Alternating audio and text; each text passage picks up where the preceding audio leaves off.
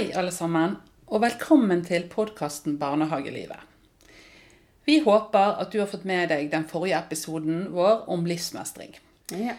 Der fikk vi en fin dialog med de dyktige damene i Hjertekrøll. Og mange av de elementene vi har inn, var inne på der, de henger sammen med det vi skal snakke om i dag.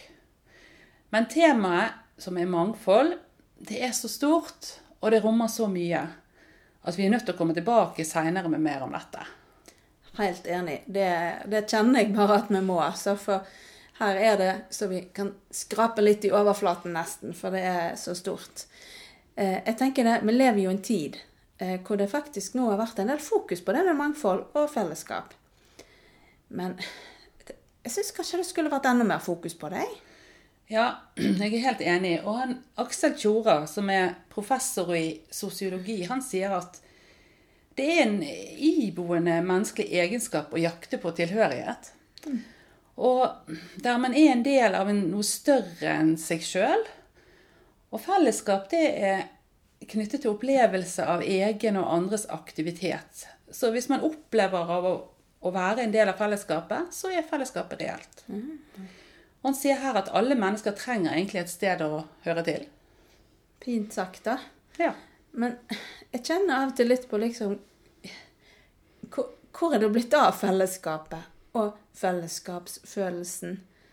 Eh, altså Hva er det som skaper fellesskap i, den, i denne tida vi lever i nå?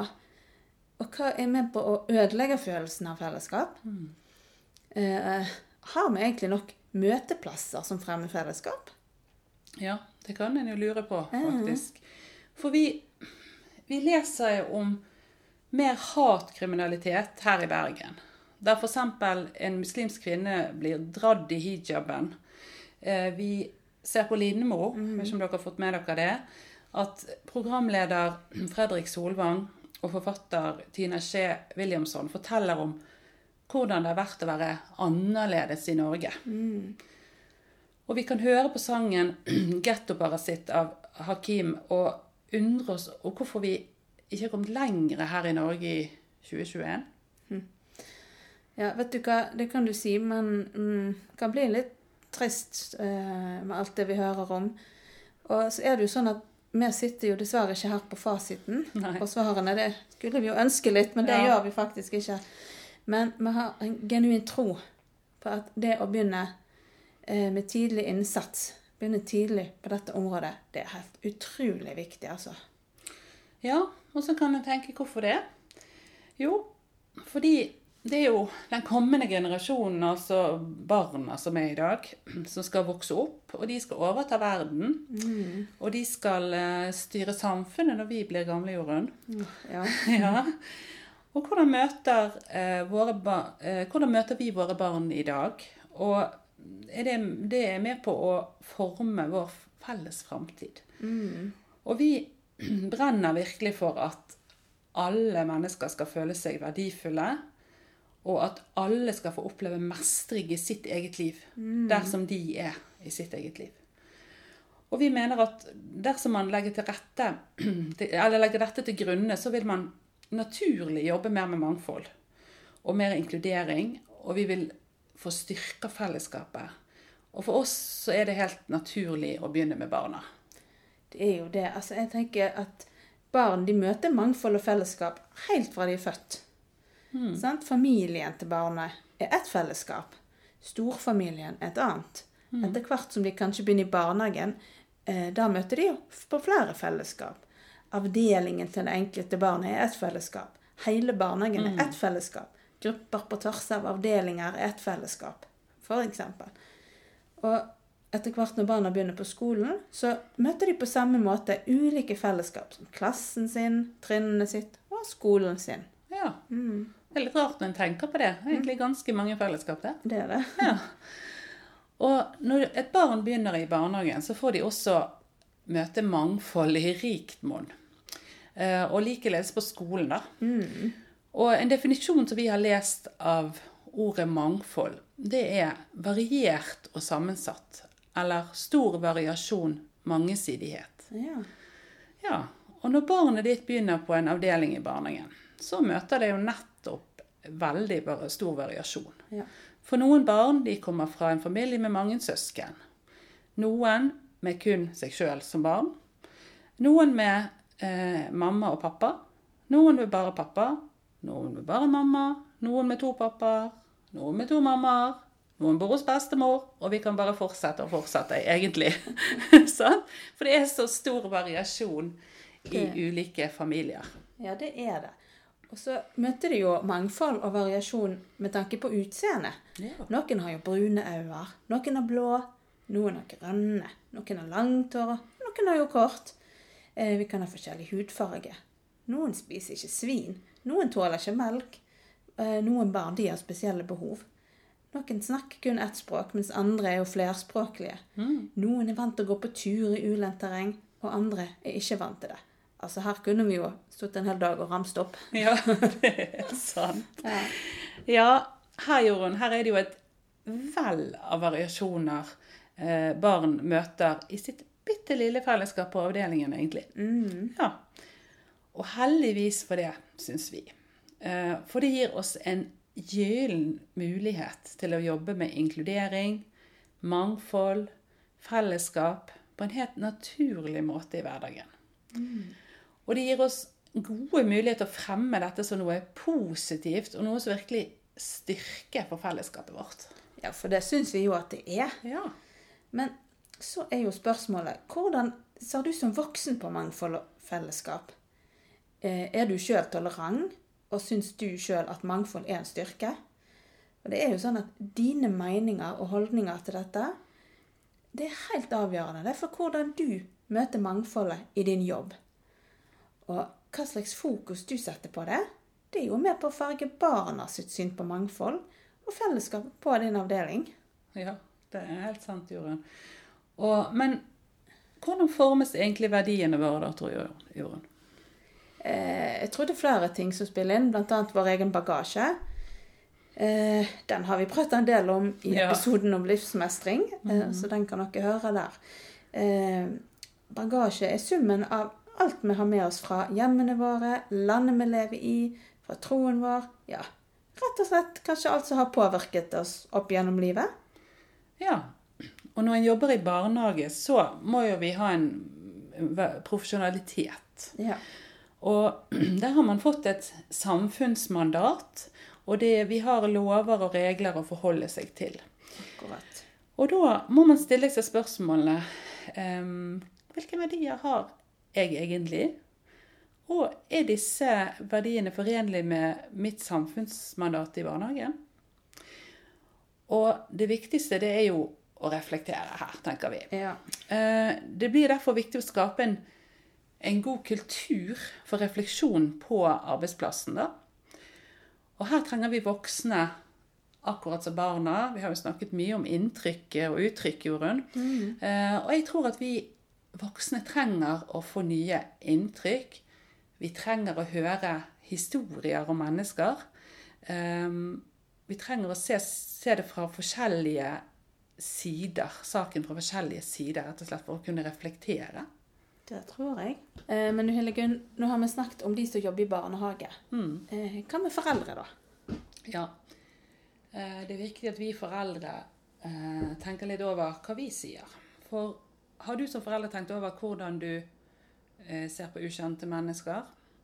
Eh, Folk du ser på TV, folk du eh, har i nabolaget eller på skolen, læreren på skolen, eller Og hvordan prater du om de rundt middagsbordet? Hvordan omtaler du de egentlig? For det at, som tidligere nevnt, så eh, fortalte eh, Tina Chess eh, Williamson, eh, som har røtter fra Zimbabwe, om sine opplevelser om å være, som å være annerledes i Lindmo. Og hun fortalte om en historie eh, som var veldig sterk, når hun skulle ta opp eh, maten sin på barneskolen. Eh, så var den så lett, matboksen. Og når hun åpnet matboksen, så var den tom. Maten var borte.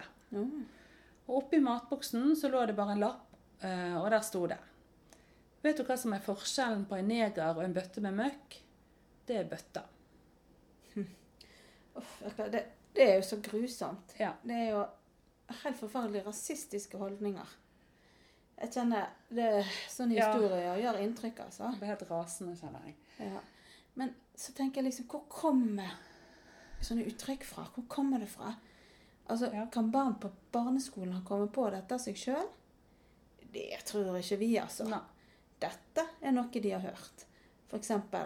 fra foreldre, venner, slektninger, media øh, osv. Altså, jeg, jeg kan komme med et eksempel. Mm. For mange år siden så studerte jeg på en skole i en annen kant av landet. Mm.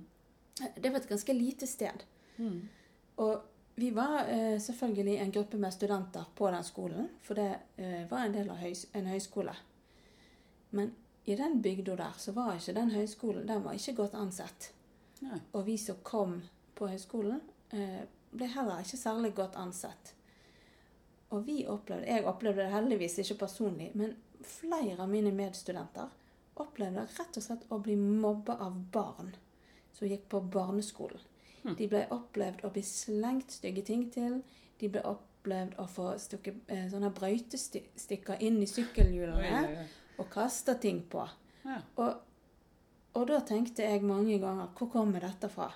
Ja. Dette er jo nedarva dritt, for å si det rett ut, fra, som kommer fra generasjoner over, Mm. som har formidla sine holdninger videre. For det var ingen grunn til at de barneskoleelevene ikke skulle like oss, for de kjente oss ikke. Nei. De gikk bare forbi oss på gata. Så jeg tenker det er så utrolig viktig at vi som voksne vi tenker over hvordan holdningene våre og verdiene våre farger ungene vi er sammen med. Ja, det har du helt rett i. Men eh, du Jorunn, kan jeg få lov å fortelle en eh, annen historie? Håper den er litt mer positiv, da. Ja da, jeg skal prøve. Den den blir det til slutt, da. Ja.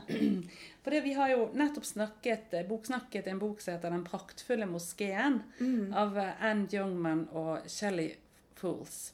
Eh, og som etter vår mening er jo en fantastisk barnebok. Jeg bare elsker den. Eh, hun, Anne Youngman hun skrev denne boken i, tilbake i 2004. Fordi hun ville vise at det hadde eksistert eh, tolerante samfunn i Europa langt, langt tilbake igjen i historien. Oh ja, så fint. Ja, og at ikke det var noen grunn for at her, sånn som det var her, at jøder, muslimer, kristne osv. ikke kunne leve i fred side om side. Og hun, en, hun er født før andre verdenskrig og var sjøl av tysk-jødisk opprinnelse. da. Så jeg aner ikke så mye om historien hennes. Det er bare at hun er en gammel dame i dag. da. Um, men i hvert fall bakgrunnen for denne historien i boken, det er at byen Cordoba i Spania, eh, der handlingen i boken finner sted, mm. de hadde vært underlagt både kristne og muslimske ledere.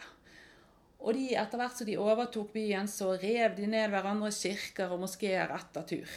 Um, og når byen igjen ble erobret av en kristen konge, så forsto han til slutt da eh, hvor enestående den moskeen var, og hvor vakker han var, og han lot han stå.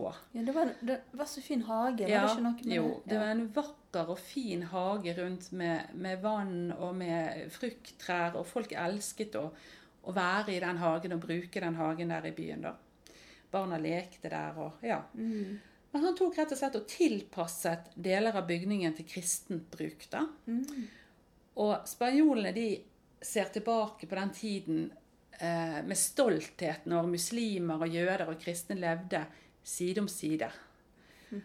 Og innbyggerne i Cordoba de sier ikke 'jeg gikk til messe i katedralen', men de sier 'jeg gikk til messe i moskeen'. Ja, sant. Syns det er så fint. Mm. Og denne historien og denne boken eh, den er så utrolig viktig å formidle. For det er jo et bevis på at det, det er faktisk mulig å tro på forskjellige ting, ha forskjellig kultur, likevel kunne anerkjenne hverandre som mennesker og leve i fred med hverandre. Og vi har brukt denne boken i arbeidet rundt mangfold eh, i barnehagen. Og vi har opplevd at det var et veldig fint utgangspunkt for barna å få snakke om egen tro og egen kultur. Og de så ulikheter mellom religioner som var representert i barnehagen, men de så også likhetene. Mhm. Og jeg er sjøl kristen. Eh, men jeg anerkjenner og trives godt sammen med mennesker og har venner eh, som har ulik tro som meg. Og i arbeidet i barnehagen så har jeg snakket åpent om at jeg har en kristen tro. Eh, men jeg har vært veldig bevisst på å si at jeg tror på det, men andre tror på noe annet. Og det er helt ok. Eh, For jeg har vært opptatt av at jeg skal ikke forkynne, jeg skal formidle. Men jeg har opplevd at gjennom min åpenhet med min tro, så har barn med annen tro enn meg, de har åpnet seg opp, snakket om sin tro. Eh, vi har sett at vi har noe felles. Eh, vi har en opplevelse av fellesskap, rett og slett. Og det har vært så utrolig godt. Og jeg har opplevd i møte med andre, eh, med andre kulturer eller tro, eller at jeg har ikke bare blitt bedre kjent med meg sjøl, eller med andre, men jeg har også blitt bedre kjent med meg sjøl. Og det, det har vært en sånn vekker for meg. Ja. Vet du hva, det, det har jeg òg opplevd på, på flere måter. Altså, jeg, jeg har jo bodd i utlandet et år for mange år siden, og da var det en litt annen kultur enn her. Mm. Eh, og jeg har aldri egentlig opplevd meg sjøl som så norsk som når jeg bodde der. Eh, for dette da sant? øh, Bare sånn her enkle eksempel som at jeg skulle gå i butikken og handle noe. Jeg skulle eksempel ha en ost. Jeg skulle ha den osten og så og så masse ost. For det skulle jeg bruke til middag. Ferdig arbeid. Mm. Og for meg, da, som er vant til her i Norge å gå på Rema 1000 og kjøpe en kjøttdeig og ferdig med det og ut igjen, så kom jeg jo i den tro i butikken og tenkte at sånn er det her òg. Men det var det jo ikke. For der skulle jo ostehandleren få, måtte jo for det første få vite hva du skulle ha til middag. For dette var jo kanskje flere oster som passet. Og så måtte du smake en tre-fire oster, og så måtte du diskutere litt, og så hvor mange Ja. var dere, og så, og så videre og så videre. Og eh, da tenkte jeg jøss, jeg er, jeg er visst ganske norsk. Eh, det hadde jeg nok ikke kjent på hvis jeg bodde her hjemme i Norge på samme måten. Og jeg tenker, også når vi er inne på pedagogikk eh, og Meads speilingsteori, Ja. sant? vi blir oss sjøl Mm. i møte med andre. ja. Og da er jo mangfold så utrolig viktig. Mm. Altså nye kulturer og nye inntrykk, inntrykk kan gjøre oss bedre kjent med oss sjøl og vår egen identitet. Noen ganger kan det være vanskelig og utfordrende, men allikevel veldig viktig. Ja, jeg er helt enig. Og, og det er ikke Det er langt ifra alle gangene jeg er enig med folk. Eh, med hva meninger de har, og, og hvordan de tenker. Men, men ehm, Og det kan være litt vanskelig innimellom, selvfølgelig. Men heldigvis så fins det steder der de òg jobber eh, for at folk skal få lov til å være forskjellige, men kunne eh, fungere godt sammen. Og det er Kirkelig dialogsenter. ehm, det er eh, Kirkelig dialogsenter ligger eh, i ulike byer i Norge. Og her i Bergen vet jeg i hvert fall at de har et prosjekt som heter Inter. Okay. Og det prosjektet det går ut på å fortelle eh, troshistorier fra ulike religioner. Og jeg har lest litt om dette prosjektet, da, og de bruker et begrep som jeg syns var så utrolig bra i et mangfoldsperspektiv. For de sier at de ønsker å skape et tolerant uenighetsfellesskap. Uenighetsfellesskap. Ja, var ikke det kult? Oh, det var fint. Ja, jeg synes det, det er dekket så utrolig. For det skal være et fellesskap der det er trygt å være uenig om ting. Ja. Men hvor en likevel kan anerkjenne hverandre som likeverdige mennesker og ha respekt for hverandre. Og det er jo dette, Jorunn, vi er nødt til å lære ungene. Det er det. Ja. Vi må lære dem at det er helt greit, de kan få mene det de tenker er best for oss, det som vi er overbevist om. Men andre kan mene noe annet, eh, og vi må gjøre det på en respektfull måte. Og det må ikke skade andre. Mm. Mm. Som dere kanskje skjønner, så syns vi dette er et veldig viktig, men òg et ganske stort tema. Eh, og jeg nevnte at her skraper vi litt i overflaten, toucher innom. Det er jo så, så mye mer vi kunne snakket om her. Så jeg tenker at eh, vi, må, vi må jobbe mer med dette. Ja, jeg er helt enig. Vi har bare vært akkurat og skrapt i overflaten nå. Ja. Eh, For det er så stort, dette temaet. Mm. Men jeg er likevel jeg er glad vi har satt fokus på det, Mm. og det at vi må begynne, begynne med tidlig innsats på dette. For det er så viktig i, hvis du skal tenke liksom, i et bærekraftig perspektiv. Og det vil vi jo. Ja. Da sier vi rett og slett takk for oss, og for at du har hørt på oss. I, I november kommer det en ny episode, så følg med. Det eneste vi vil røpe nå, det er at det temaet er utrolig viktig, det òg. Du må gjerne dele episoden. Og takk for nå.